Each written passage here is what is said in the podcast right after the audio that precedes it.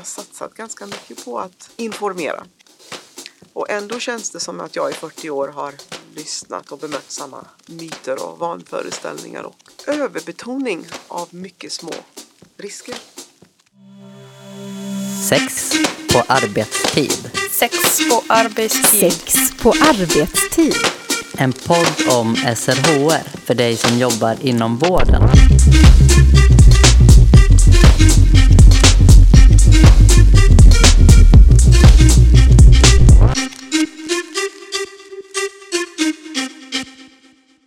Idag finns många sätt att skydda sig mot oönskad graviditet. Och i det här avsnittet så pratar vi om det som kanske är det mest effektiva, LARK, det vill säga långtidsverkande preventivmedel. Gäst i programmet är gynekologen Joy Ellis. Med Joy pratar vi om hur olika preventivmedel funkar och vad en reproduktiv livsplan är. Vi pratar också om hur det kommer sig att så många är tveksamma till att använda preventivmedel och hur vi kan bemöta gamla föreställningar och oro. Du lyssnar på Sex på arbetstid. Jag som pratar heter Elin Klingvall och gör det här programmet tillsammans med min kollega Anna Skoglund.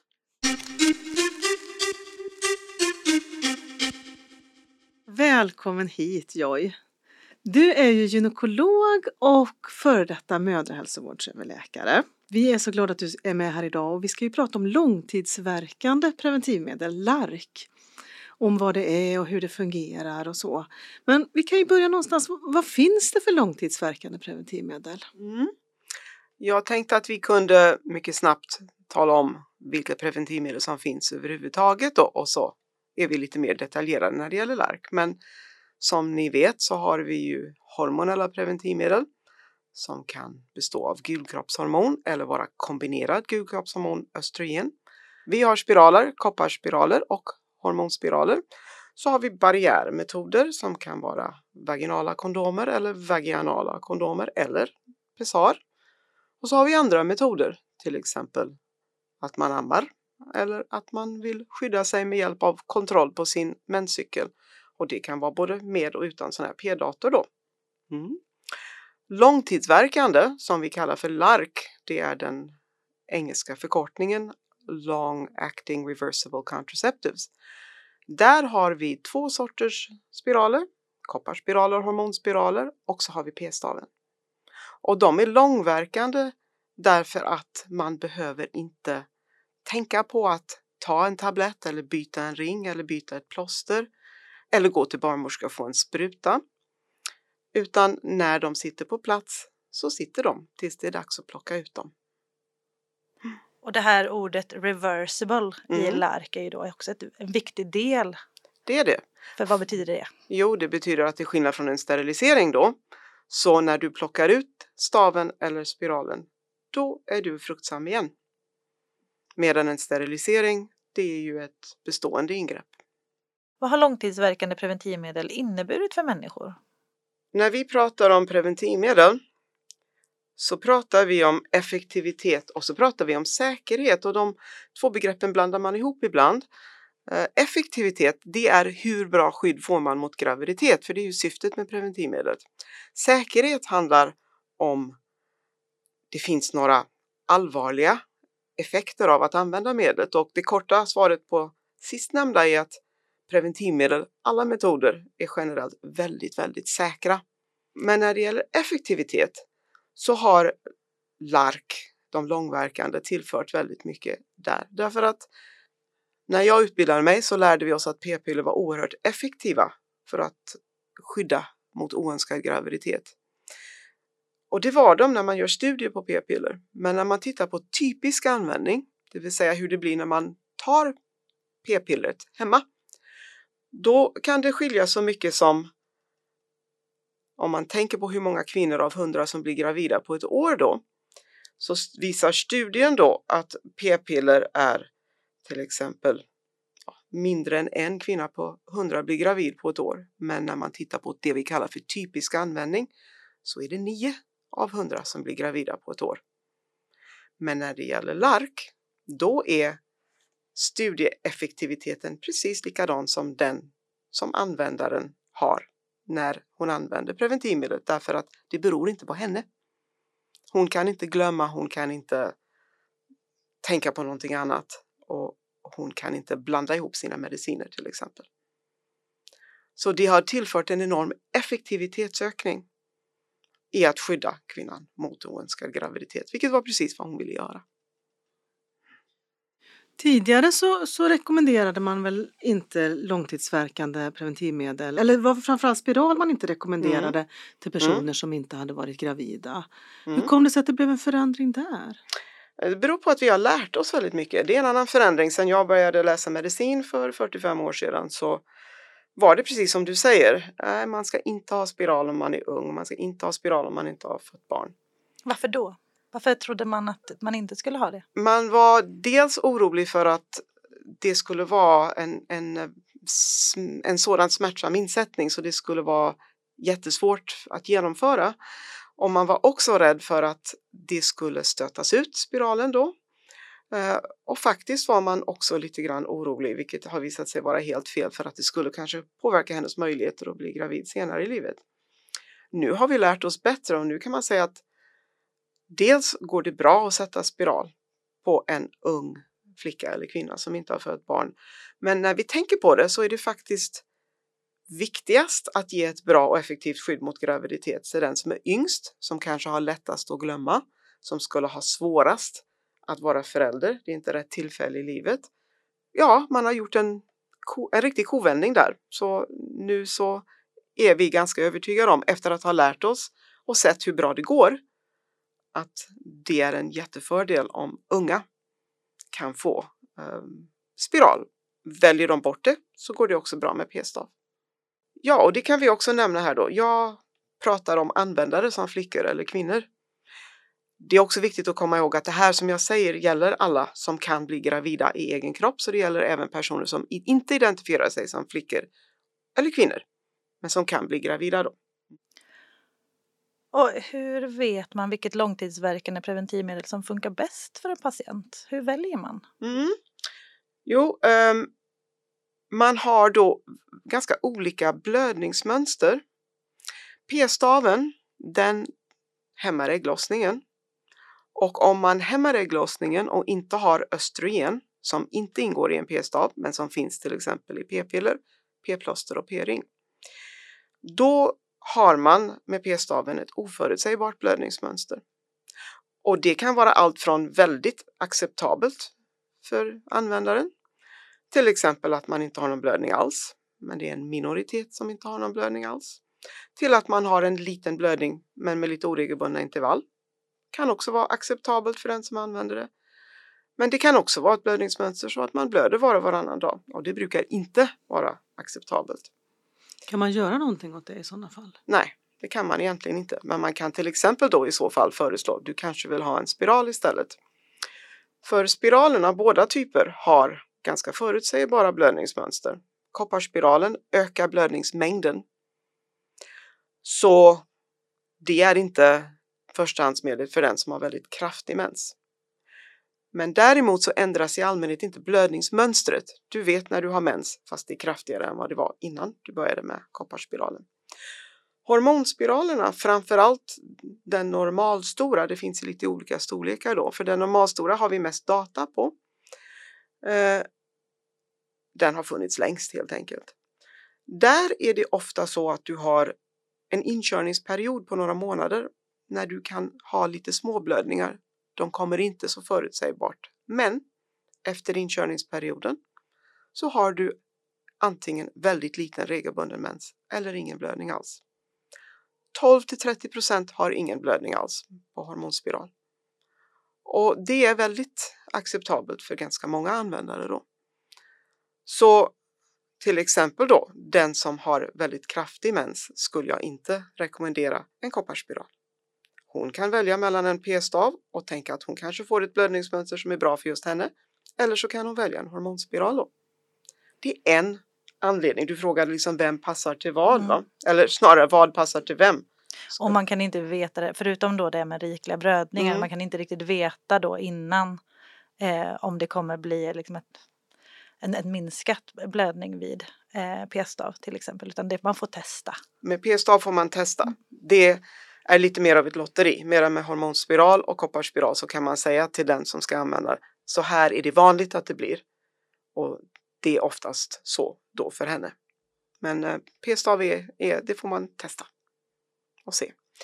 Om du, vill, om du önskar ha kvar din ägglossningscykel, du vill ha dina vanliga eh, hormonfluktuationer, du tycker det är bra, då kan du välja kopparspiral eller hormonspiral. För hormonspiralen påverkar inte ägglossningen när hormonnivån har nått steady state som vi kallar det för.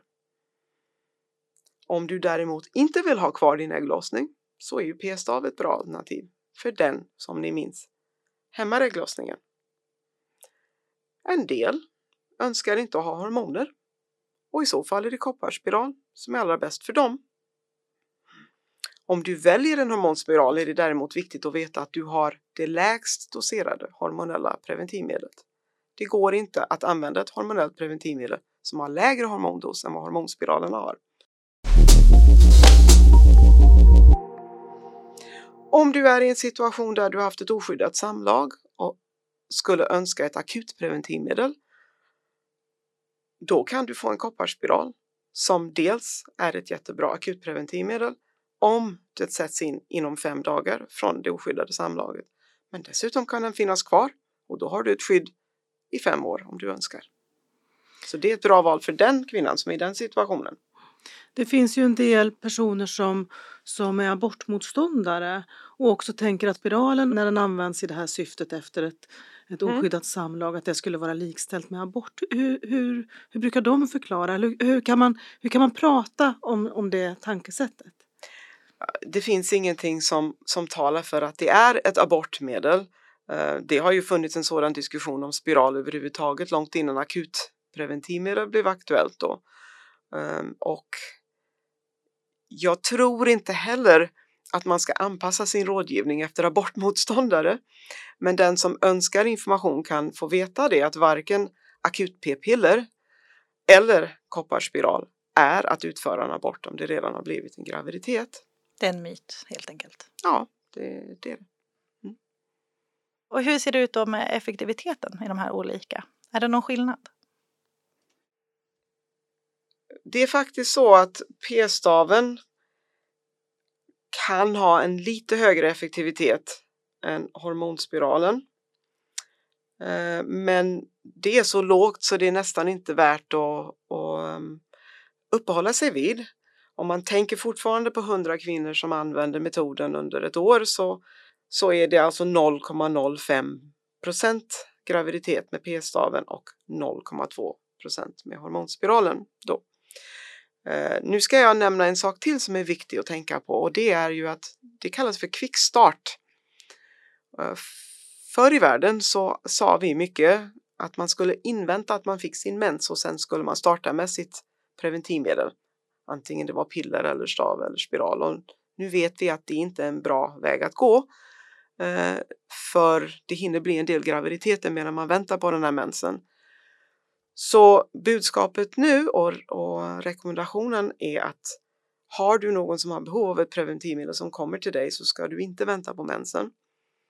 Utan du ska ta ett graviditetstest. Är det negativt så sätter du in staven eller spiralen och sen, mycket viktigt, så måste du komma om några veckor och göra om graviditetstestet.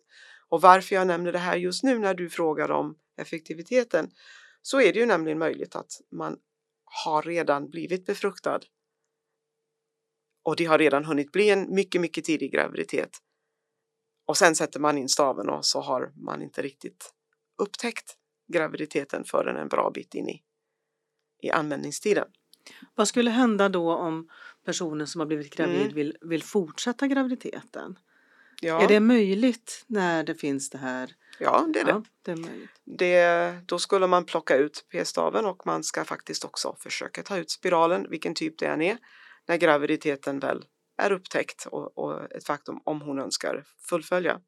Men vad jag också menade var att en del sådana graviditeter kommer ju med i statistiken över eh, graviditet med p-stav eller graviditet med spiral då. Så rent faktiskt så skulle man kunna tänka att det är lägre siffror än det vi ser. Det är, det är de mest effektiva preventivmedlen som vi har. Vill man inte bli gravid så är det ju så man ska skydda sig om man vill ha den högsta effektiviteten. Absolut.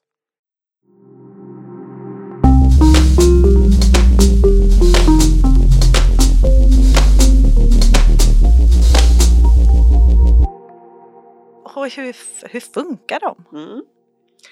Eh, p-staven innehåller ju, som jag sa förut bara gulkroppshormon då.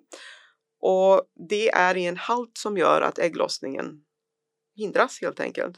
Så det är den viktigaste mekanismen för p-staven. När det gäller spiralerna så har kopparspiralen en toxisk effekt alltså på spermier och på ägg och eh, ägget transporteras inte alls så lätt från äggstocken ner i äggledaren och spermien transporteras inte heller så lätt för att möta ägget då. Och sen så påverkas även slemhinnan i livmodern så att den inte är så gästvänlig för ett befruktat ägg att sätta sig. Mm. När det gäller hormonspiralen så förändrar den sekretet i livmoderhalsen och förhindrar spermietransporten och spermiefunktionen och så förändras även där livmoderslemhinnan förtunnas så att implantationen som vi kallar det, ett befruktat ägg sätter sig fast i livmodern förhindras också. Men den stora skillnaden som jag nämnde förut var just att ägglossningen är kvar när det gäller spiralerna. Mm. Och hur, hur länge har man de här mm. preventivmedlen? Mm. P-staven kan sitta i tre år innan den behöver bytas. Eh, kopparspiral i fem år och det finns bara en enda kopparspiral som marknadsförs i Sverige som har godkänd vetenskaplig dokumentation. Och det är just för fem års användningstid som den eh, är godkänd. Hormonspiraler skiljer sig beroende på storlek och det finns två olika fabrikat från mellan tre år till åtta år. Det där med åtta år är helt nytt då, att eh, den den normalstora är godkänt för åtta år. Jag tänker det här med kopparspiral, att det inte är något läkemedel på det viset utan eh, beskriver det ett tekniskt hjälpmedel eller vad är det för någonting? Ja, det, det klassas som medicintekniskt då och eh, det betyder ju dels att det är svårt att få statistik. Eh, man kan inte få det av apoteken till exempel för att det är ju inget man tar ut på recept utan det är någonting som tillhandahålls när du kommer till en mottagning där man sätter in den. Eh, och det betyder ju också att till skillnad från läkemedel som jag nämnde förut då så kan man marknadsföra en spiral och sälja den utan att den har vetenskapligt godkänd dokumentation kring just effektivitet och säkerhet. Så det är skönt att det finns en som har den dokumentationen som vi tryggt kan sätta in därför att vi vet hur effektiv och säker den är. Är det bara den man använder då i Sverige eller hur ser det ut? Nej, det ser lite olika ut för det förekommer att andra spiraler som finns tillgängliga sätts in då. Och jag rekommenderar inte det. Eh, det kan man som, som eh, ja, hitta i annonser i tidningar och så om det. Men det står inte det som är allra viktigast faktiskt för användaren att veta. Kommer det här att skydda mot graviditet och hur säker är den? Känner alla barnmorskor och, och gynekologer till det här med att det, det, är bara den här kopparspiralen som, som vi kan vara helt, eh, som vi vet säkert med kring effektiviteten? Nej, det är det inte, men jag tror att allt fler är medvetna om det och det gäller också att sprida budskapet till upphandlingsmänniskor i olika regioner och det har vi jobbat en del med och jag tror att allt fler vet om det. Lark används ju i, i, första hand mot oönskade graviditeter. Men det finns ju också andra som får det utskrivet för att det kan hjälpa andra mm. tillstånd. Kan du, kan du berätta lite om det? Mm. Och ehm, Man kan säga att det finns ju dels positiva hälsoeffekter som man upplever just när man ändå har behov av det som preventivmedel. Eh, och det är till exempel minskad mensmängd och minskad menssmärta med alla lark utom kopparspiralen då. Mm. Om man tittar på andra hälsoeffekter hos den som kanske inte ens har behov av preventivmedel så har vi dels skyddet av livmoderslemhinnan när man eh, har östrogen för att hjälpa mot klimakteriebesvär och så vill man ge tillskott av gulkroppshormon för att förhindra att livmoderslemhinnan växer för mycket och på sikt skulle kunna bli cancer. Så har man en hormonspiral så har man det skyddet och behöver inte tänka på så mycket mer än att ta östrogen. Detta gäller den normalstora hormonspiralen som ger det här skyddet av livmoderslemhinnan och medan man kan använda den i åtta år som preventivmedel kan man bara använda den i fem år för att skydda livmoderslemhinnan. Kvinnor som har endometrios kan ha stor glädje av hormonspiraler. Ehm, de som har svåra menssmärtor kan få hjälp utav hormonspiraler och för all del p-stavar också som ju i allmänhet gör att blödningsmängden blir mindre och när man blöder så har man inte så ont. Mm. Hur är det med liksom, eh, PMS och eller humörsvängningar och så? Kan man också få lark för det? Det är inte förstahandsvalet. Eh, p-staven, i och med att den tar bort ägglossningen så skulle man kunna få mindre PMS-liknande besvär men det som det finns mest forskning gjort och det som vi har bäst erfarenhet av om man vill få mindre PMS-besvär så är det eh, vissa typer av p-piller, kombinerade p-piller. Mm. Vad, vad, finns det mer för positiva bieffekter med eh, LARK? Jag lärde mig rätt så nyligen att eh, kopparspiral kan ge ett skydd mot livmodercancer. Eh, vi har känt till rätt länge att kombinerade p-piller och gulkroppshormonmetoder såsom till exempel p-staven kan ge ett skydd mot livmodercancer men det kan uppenbarligen även en kopparspiral. Det är ju spännande.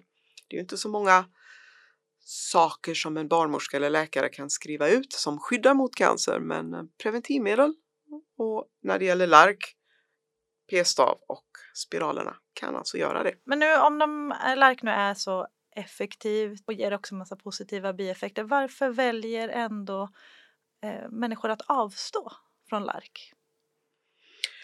Jag tror att en del av svaret har att göra med att man är tveksam eller negativ till preventivmedel överhuvudtaget på ett sätt som ibland är svårt för mig att förstå.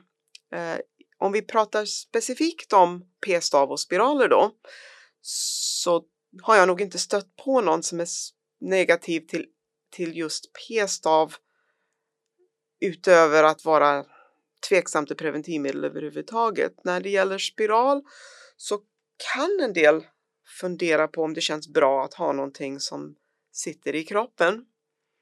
Och en del är oroliga för insättningen, att de tänker sig att den ska vara smärtsam. Jag har satt in massor med spiraler och i allmänhet så tar det cirka en och en halv minut. Känns under några sekunder som mensvärk. Och de allra flesta har ju förberetts på ett bra sätt och informerade om det. Det vanligaste är att man tycker att det var nog inte riktigt så farligt som man hade förväntat sig. Kan man få någon eh, liksom, lokalbedövning om man är väldigt orolig för smärta?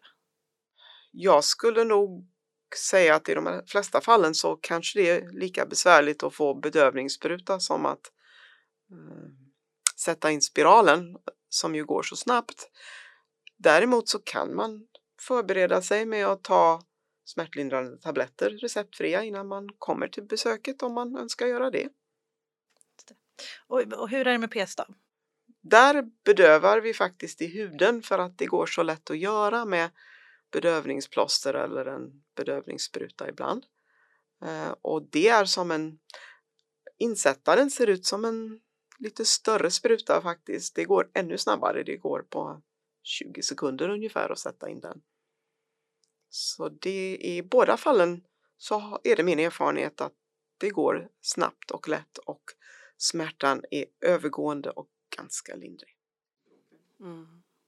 Men hur ska vi inom hälso och sjukvården kunna nå ut med korrekt information och berätta om att, alltså hur, hur en insättning funkar eller hur, de här, hur LARK funkar för att personer som är oroliga och rädda ska kunna förstå att det här, men det här faktiskt, faktiskt skulle kunna vara bra?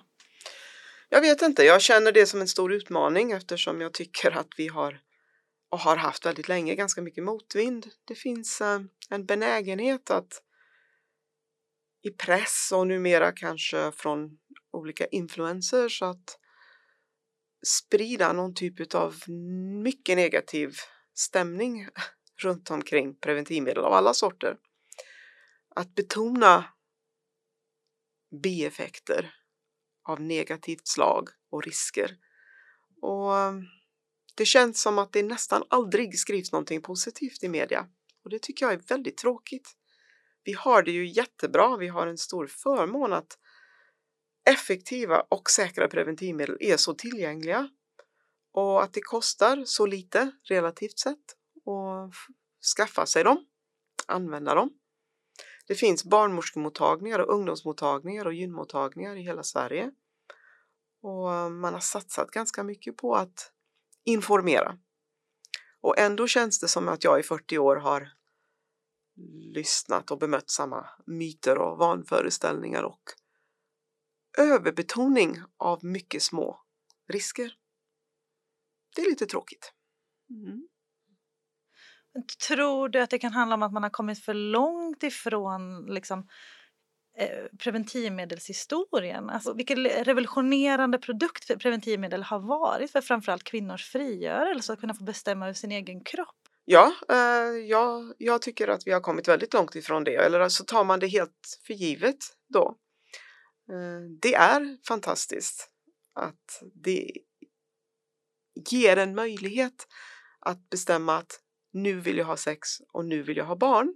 Att bestämma hur man vill ha sex, att bestämma hur ens reproduktiva livsplan ska se ut. Jag vet inte om det begreppet är så, är så bekant, men jag tycker det är en jättebra, jättebra benämning på någonting vi alla borde ha, oavsett vilket kön vi tillhör och oavsett var vi befinner oss i livet.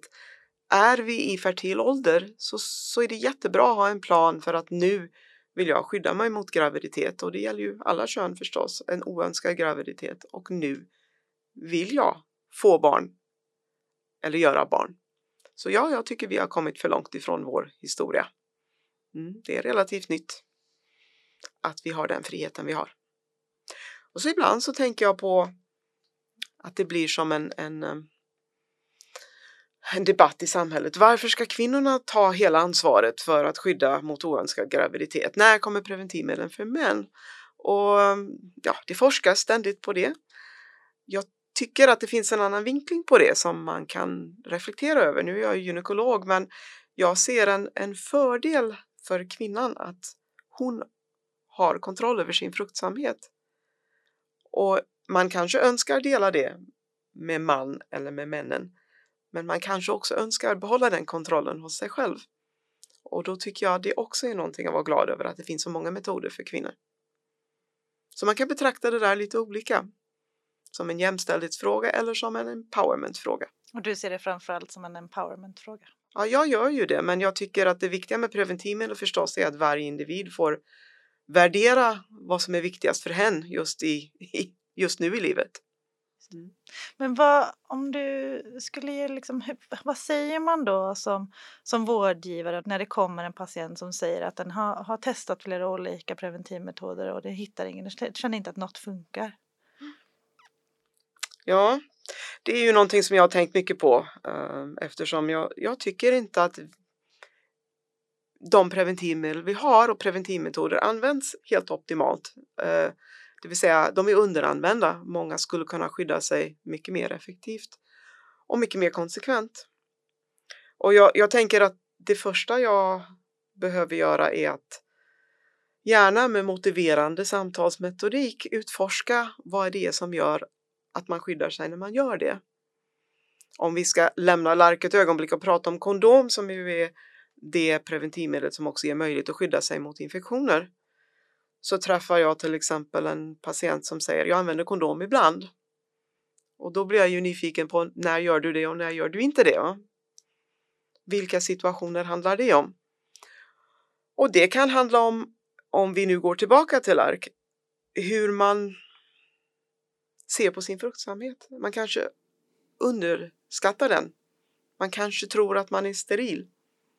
Man kanske inte tror att man kan bli gravid av skäl som jag då behöver utforska. Vad är det som gör att du tänker så? Eller vad är det som gör att du tänker att din partner är steril? Vad kan det vara för skäl som anges? Ja, det, det vanligaste är att man har haft oskyddat omslutande sex några månader eller några veckor och så har det inte blivit en graviditet och så behöver man få lite hjälp med, med siffror. Um, det kan också vara den här gamla myten som jag blir väldigt, väldigt ledsen över jag gjorde en abort under säkra, lagliga, okomplicerade omständigheter. Och så kan ni förstå det så hänger det kvar den här gamla myten om som man läser i romaner från 1800-talet så gjorde hon abort och så blev hon aldrig mer gravid. Det, det, det finns inte. Det, det är inte relevant. Så det är en myt som du fortfarande möter? Ja. Men vad, det, det låter ju som att det är ett misslyckande i eh, basic sexualupplysning. Vet du, ja, det har jag ju funderat mycket på för att ibland så tänker vi att när människor beter sig på ett sätt som inte är som vi i vården tycker eller som kanske är helt rationellt eller som stämmer med deras egna önskemål. Eh, de flesta som inte använder preventivmedel optimalt vill ändå inte bli gravida, det är inte deras tanke då. Men ibland så tänker vi att hen har inte fått tillräckligt mycket information. Men eh, jag tror inte att alla myter och alla motstånd jag möter handlar bara om information alltid. Alltså vi har ju den här myten som sitter så hårt hos så många människor att hormoner är skadliga um, och inte bör användas länge. Så det finns ju till exempel fortfarande flickor och kvinnor som inte använder lark, de använder till exempel eh, p-piller och så säger de jag gör paus då och då för det vet man ju att det inte är nyttigt med hormoner och det är precis, precis tokigt. Det finns ingen övre användningsgräns. Hormoner är för de allra flesta bra när man vill skydda sig mot oönskad graviditet. Och gulkroppshormon som är den enda av de två hormoner som används är ofarligt. Så den här, ska vi säga, fientliga negativa inställning till hormoner som man uttrycker som att alla vet att det inte är nyttigt med hormoner. Det blir jag så nyfiken på var det kommer ifrån. Men det möter vi väldigt mycket. Mm. Det finns en liten grupp som reagerar negativt och då får de välja andra metoder än hormonella i de flesta fallen. Men det är verkligen viktigt att betona att de allra flesta mår bra. Mm. Och hur ska man bemöta det då? Kan du ge några tips på hur man kan bemöta den oron? Ja, alltså vi har ju pratat en del om de positiva hälsoeffekterna. Vi har pratat om gulkroppshormon som ett ofarligt hormon. Och mm, hormoner är ju någonting vi har i kroppen naturligt också som gör så att vi fungerar och mår bra. Det finns, som jag sa förut, en liten grupp som känner av även gulkroppshormon på ett ofarligt men ibland jobbigt sätt. Och jag tycker det är viktigt då att man eh, går igenom med patienten om det verkligen är hormonet som gör att hon känner sig så. För det kan ju vara annat i livet som händer. Det kan vara att hon inte mår bra i största allmänhet. Psykiskt till exempel. Och det kan vara att någonting annat påverkar sexualiteten än just hormonet. Det skulle underlätta att tillsammans med patienten utforska det här om man inte har spetsat in sig så mycket på hormonet och var lite mer öppen inför andra saker som händer i livet. Det är naturligtvis användaren som vet hur de mår. Det skulle ju ingen barnmorska eller läkare tala om för någon annan hur de mår. Däremot så tror jag att det skulle vara bra med en större öppenhet för att orsakerna kan vara olika då.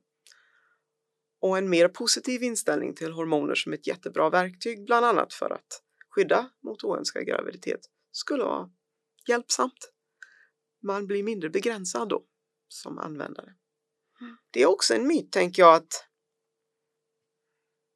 det finns inga preventivmedel som funkar. Det möter jag rätt ofta. Um, vad menar man med det, att det inte funkar? Ja, men man... det, det, det vad jag då måste fråga patienten. Um, vad var det som inte funkade då? Och så får vi liksom bryta ner det då och så får man då tillsammans väga hur, hur mycket är det värt för dig att inte bli oönskat gravid mot besvär, jobbigt, tråkigt kan man tycka. Det är tråkigt att skydda sig. Och så behöver vi prata om hur viktigt det är, alltså att kunna göra en risk och konsekvensbedömning helt enkelt. Vad skulle hända om du blev gravid nu? Och hur skulle du agera då? Hur skulle det kännas för dig? Och ibland så har inte vår patient bra erfarenhet och säger att hon har testat precis allt och det har inte funkat. Det första vi behöver göra då är att gå igenom med henne vad det var som inte funkade och se om det är någonting som kanske beror på missuppfattning eller som skulle kunna vara annorlunda idag om hon testar några år senare. Men ibland får vi helt enkelt säga så här. Jag är ledsen, men med de kraven du har och den erfarenheten du har så finns det faktiskt ingenting som jag kan skriva ut eller sätta in eller rekommendera. Och då behöver vi diskutera, och hur gör du nu? Hur viktigt är omslutande samlag för dig? Hur viktigt är spontanitet sexuellt för dig och hur viktigt är att inte bli gravid för dig? För i det läget så är det ju empowerment som gäller. Jag måste ju lämna över ovissheten och beslutet till min patient. Att säga så tydligt att det inte finns någonting mer som vården kan erbjuda just nu om hon ratar de medel som finns kan vara schysst på ett vis. För det ger henne en möjlighet att omvärdera lite grann kanske, om hon vill det, något av metoderna. Och kanske säga att okej, okay, jag själv önskar kanske försöka en gång till med det här. Eller att helt enkelt förhålla sig och så gott hon kan anpassa sin sexualitet och sitt liv efter det faktum att hon just då i alla fall ratar allting som går att förskriva. Sen säger man ibland att det är så onaturligt med preventivmedel och det är det ju. Det är jätteonaturligt. Onaturligt och bra. Ehm, om man vill leva naturligt och ha heterosexuella omslutande samlag så är det ju ganska sannolikt att man har gått igenom ganska många graviditeter vid 50 års ålder. Ehm, det är ett val man får lov att göra men det gäller att inte haka upp sig på det som är naturligt. Tänker jag, för naturen är inte alltid vår vän. Och i det här fallet så tycker jag att vi ska vara stolta över att vi har möjlighet att kanske inte besegra naturen men att i alla fall inte låta den styra fullständigt hur många graviditeter vi går igenom.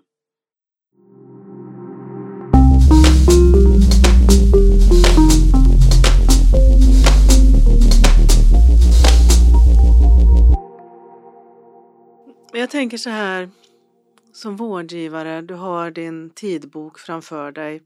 Hur mycket tid har, har man som barnmorska eller gynekolog att ha de här samtalen? Hinner vi med?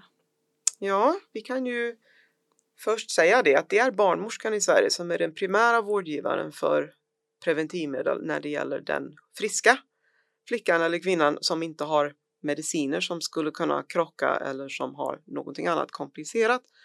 Gynekologen finns ju för den komplicerade situationen, den sjuka patienten, de mediciner som kan interagera och det tycker jag är en jättebra ordning.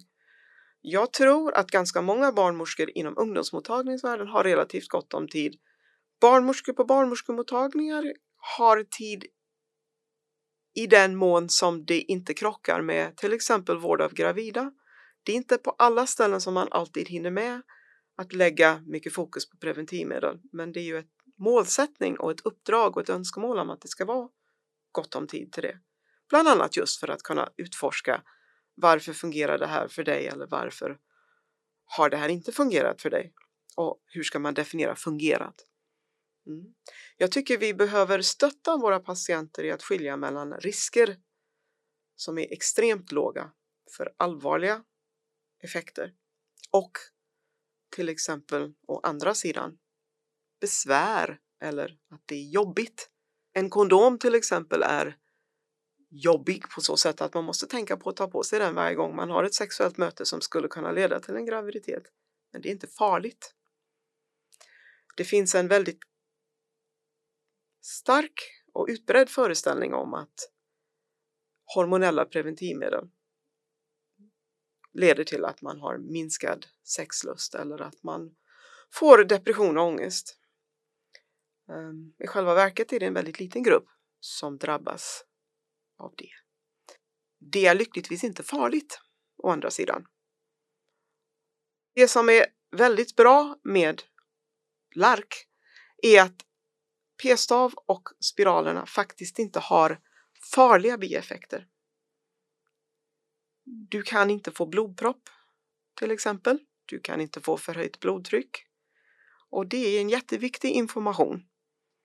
Finns det andra vårdgivare som, som det skulle kunna vara aktuellt att och, och, och prata om preventivmedel?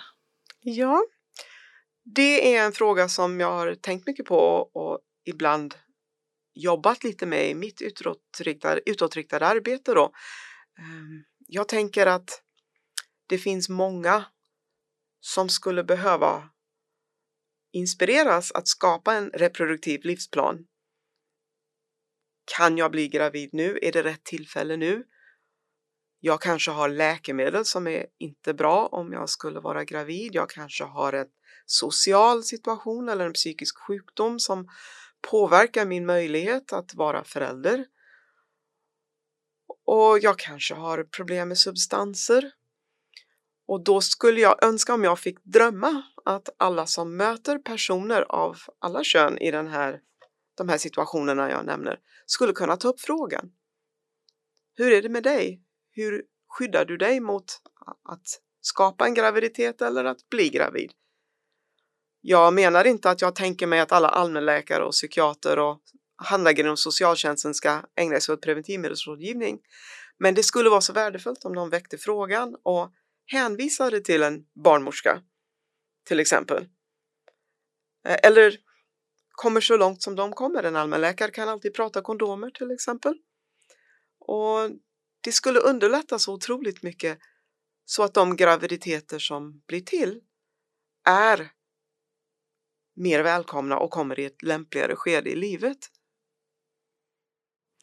Tänker det blir också en möjlighet då för de som kanske är felinformerade Mm. som har mycket motstånd Mm. utifrån att man tror att det finns till exempel då farliga biverkningar Mm. med lark. Mm. Eh, då kanske man inte söker sig till en barnmorska för en preventivmedelsrådgivning för man har redan bestämt sig. Mm. Men då kanske man kan fångas upp eh, någon annan del av vården.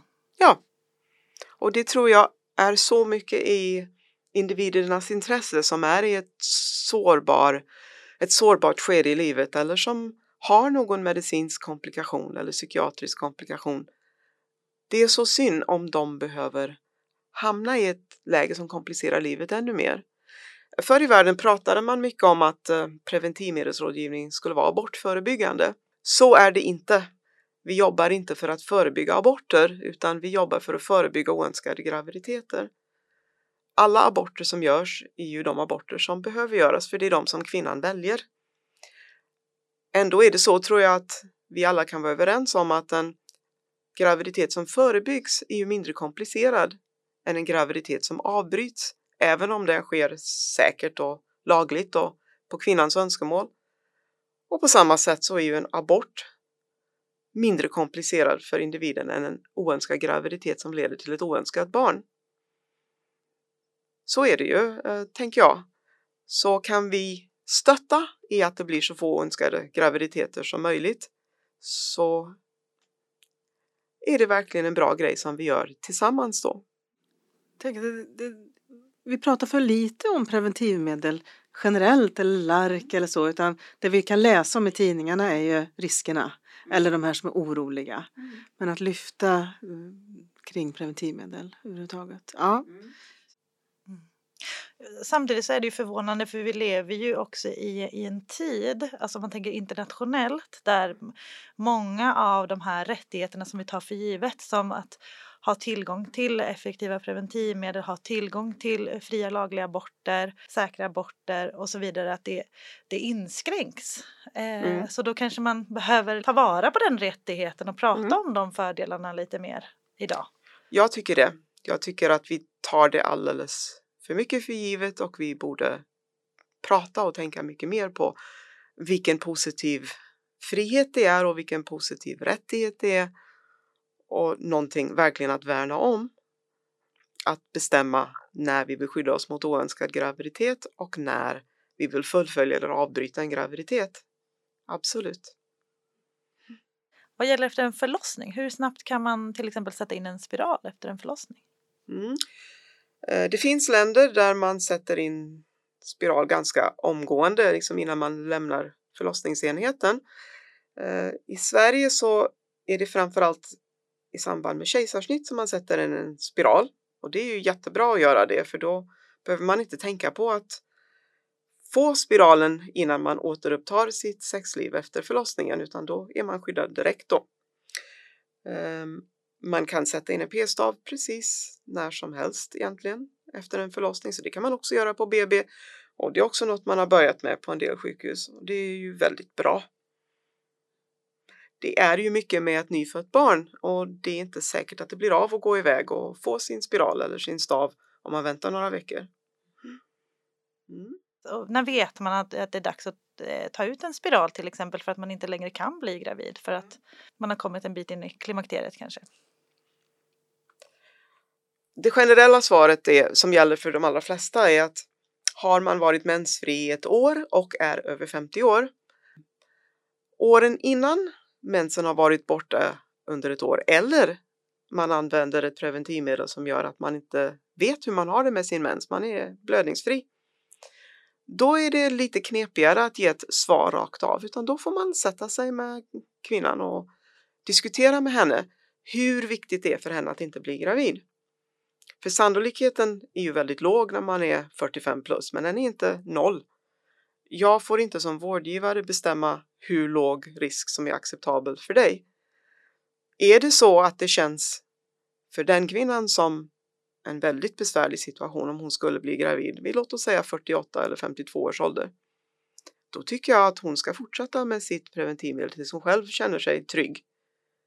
Inte minst eftersom det ju inte finns några medicinska risker med spiraler eller stavar som skulle handla om att jag skulle avråda som jag gör kanske med p-piller om hon är 52 eller så.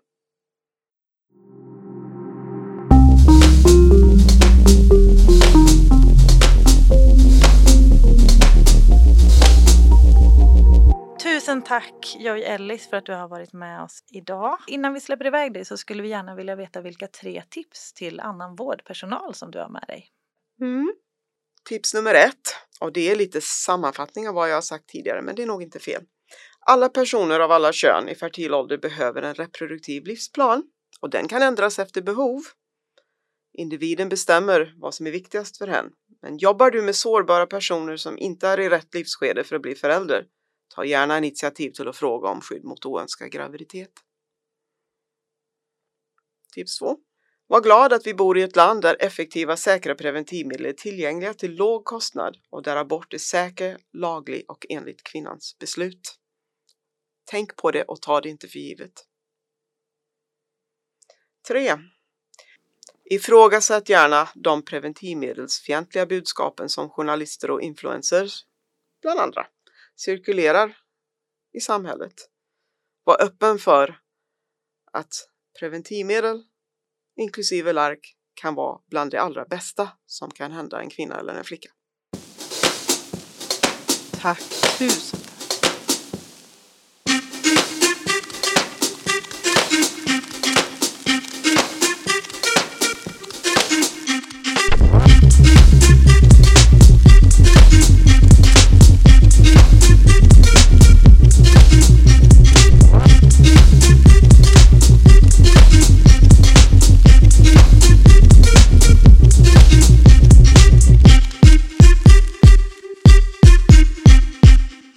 Du har hört Sex på arbetstid, en podd som görs av Kunskapscentrum för sexuell hälsa, en del av Västra Götalandsregionen. Producent var Elin Klingvall.